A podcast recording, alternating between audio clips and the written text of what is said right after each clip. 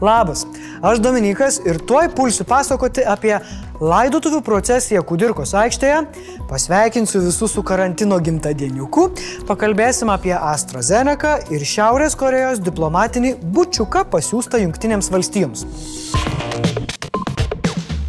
Viešbučių ir restoranų savininkų kantrybė trūko. Be piniginės paramos jau metus gyvenantis verslai Vilniuje priešais vyriausybės pastatą surengė paskutinės vakarienės protestą. Savininkai aikštėje sudėjo lovas, juodomis staltėsėmis nuklotus stalus ir gėlių vainikus. Protesto organizatorių teigimu, šis 5 procentus bendrojo vidaus produkto generuojantis ir 42 tūkstančius darbo vietų sukūrentis sektorius yra žlugdomas. O be skubios valdžios pagalbos šio pavasario pabaigos neišvys daugybė verslų. Mokesčių inspekcijos duomenimis dėl pandemijos apgyvendinimo ir maitinimo sektorius per 2020-uosius neteko daugiau kaip 300 milijonų eurų pajamų arba net 800 tūkstančių eurų per dieną. Tuo tarpu iki pandemijos viešbučiai biudžetą sumokėdavo daugiau nei 40 milijonų eurų, o maitinimo įstaigos beveik 130 milijonų. Todėl sako, mes buvome geri jums, dabar jūs būkite geri mums. Kitas dalykas, kurio norėtų viešbučiai restoranai - pradėti dirbti. Jie sako, kad jei valdžia su jais tartusi, Jie patys galėtų pasiūlyti kartais net saugesnių metodų, kaip galėtų tęsti veiklą. Ir manom, kad po Velykų tikrai būtų tinkamas laikas. Protestuotojai reikalauja iš esmės keturių dalykų.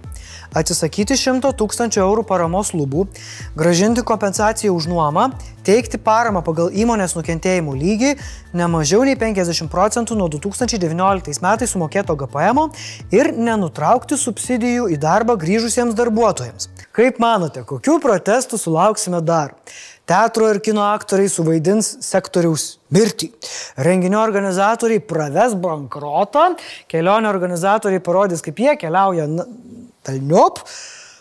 Aš neturiu atsakymų. Ar reikia viską laisvinti, bet visiškai pritariu tam, ką sako šitie protestuotojai. Valdžia privalo tartis su verslais. Mėlyjeji, Šiandien gimtadienį švenčia metukų sulaukęs karantinas.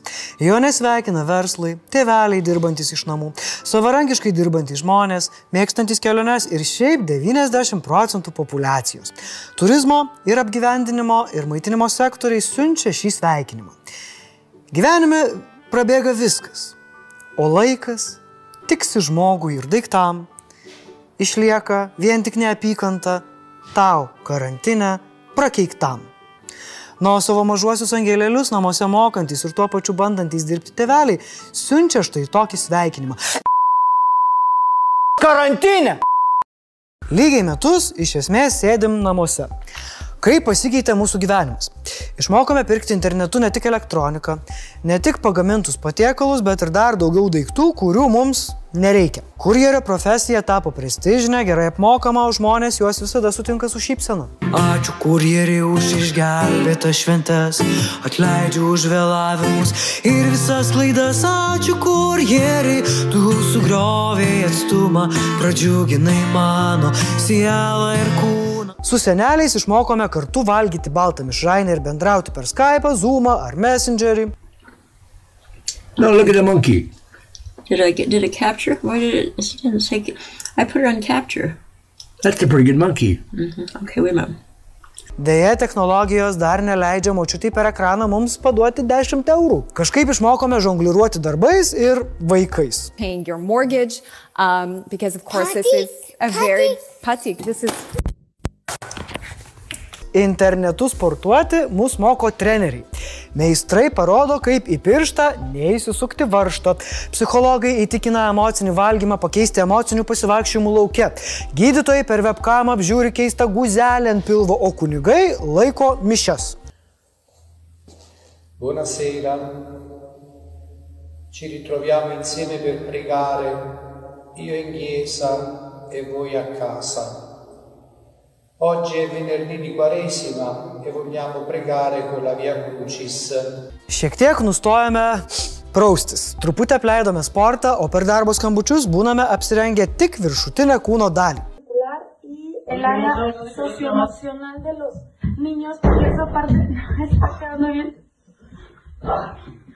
O mūsų gyvūnai praneša mūsų kolegoms apie savo egzistavimą.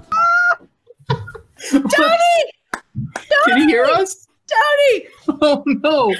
Atradome pažintinius takus, miškus, parkus, išmokome dezinfekuoti rankas, dėvėti kaukės, laikytis atstumo. Sužiūrėjome visą Netflixą, pasilgome atostogų svetur, kelionių viešbučių, koncertų, kino teatrų, susiskaldėme į skiepų fanus ir antivakserius tikinčius mokslų ir samokslo teoretikus. Taip išprusome, kad gydytojams galime tiksliai pasakyti, kokios įmonės vakcinos norime. O a, turit Pfizer? A, tik AstraZeneca. Nu, nu gerai, tik kitą savaitę ateisiu. Mėlyjei. Karantinas tikrai pasibaigs. Tačiau jau dabar aišku, kad niekada nebebus tokių laikų, kokie buvo. Ši pandemija mums parodė, kaip naujas, pavojingas virusas gali sutrikdyti viso pasaulio gyvenimą. Koronavirusas nuo šiol gyvens su mumis kaip koks gripas, o ateityje tikrai turėsime naujų virusų. Bet mes jiems būsime pasiruošę. Linkiu dar šiek tiek kantrybės, samoningumo ir tikėjimo mokslų. Viskas bus gerai. Išsikapstysim.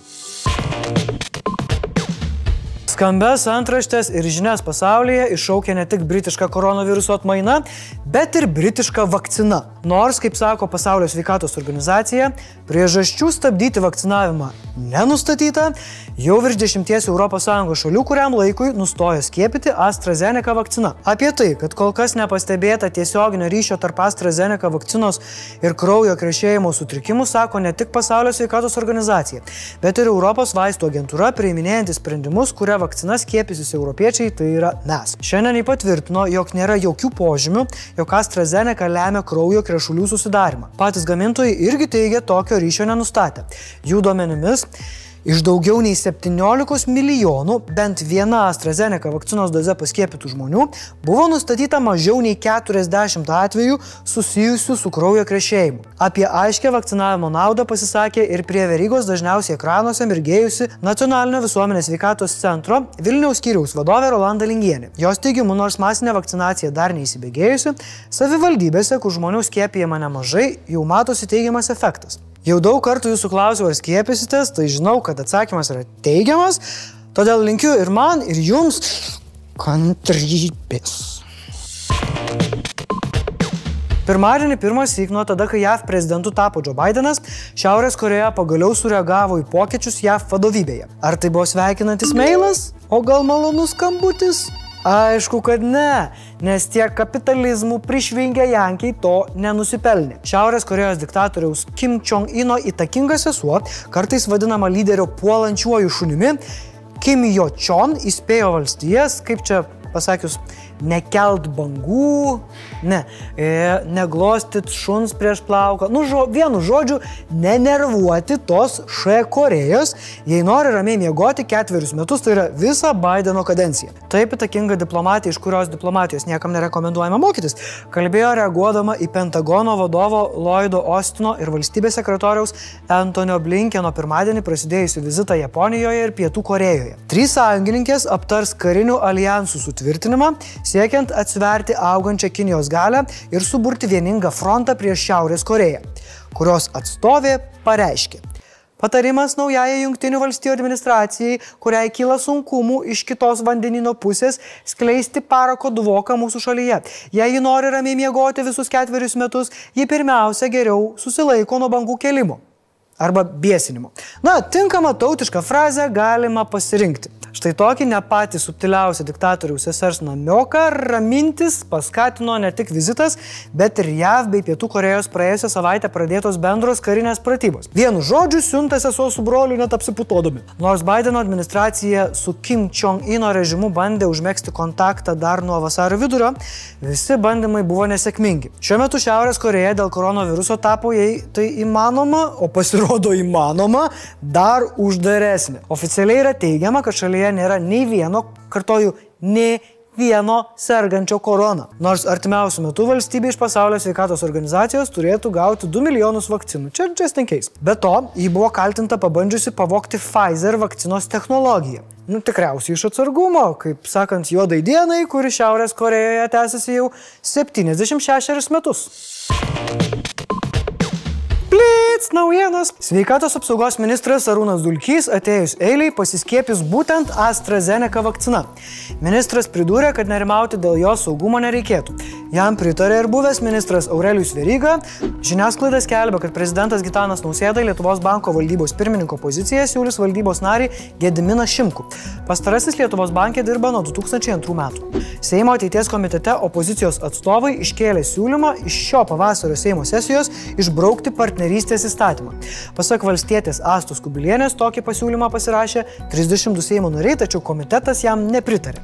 Junktinė karalystė nusprendė iki amžiaus vidurio padidinti savo branduolinį arsenalą iki 260 atominių bombų. Prieš dešimt metų Britanija buvo suplanavusi mažinti branduolinį arsenalą, tačiau dabar persvartė savo užsienio politikos gairės ir sprendimą pakeitė.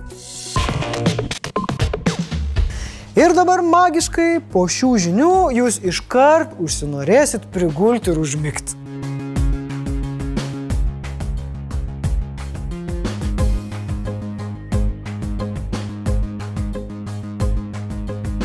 Gerą šunį, kad katė turi, aš tai nežinau, paslankysiu, namie pavakarosiu.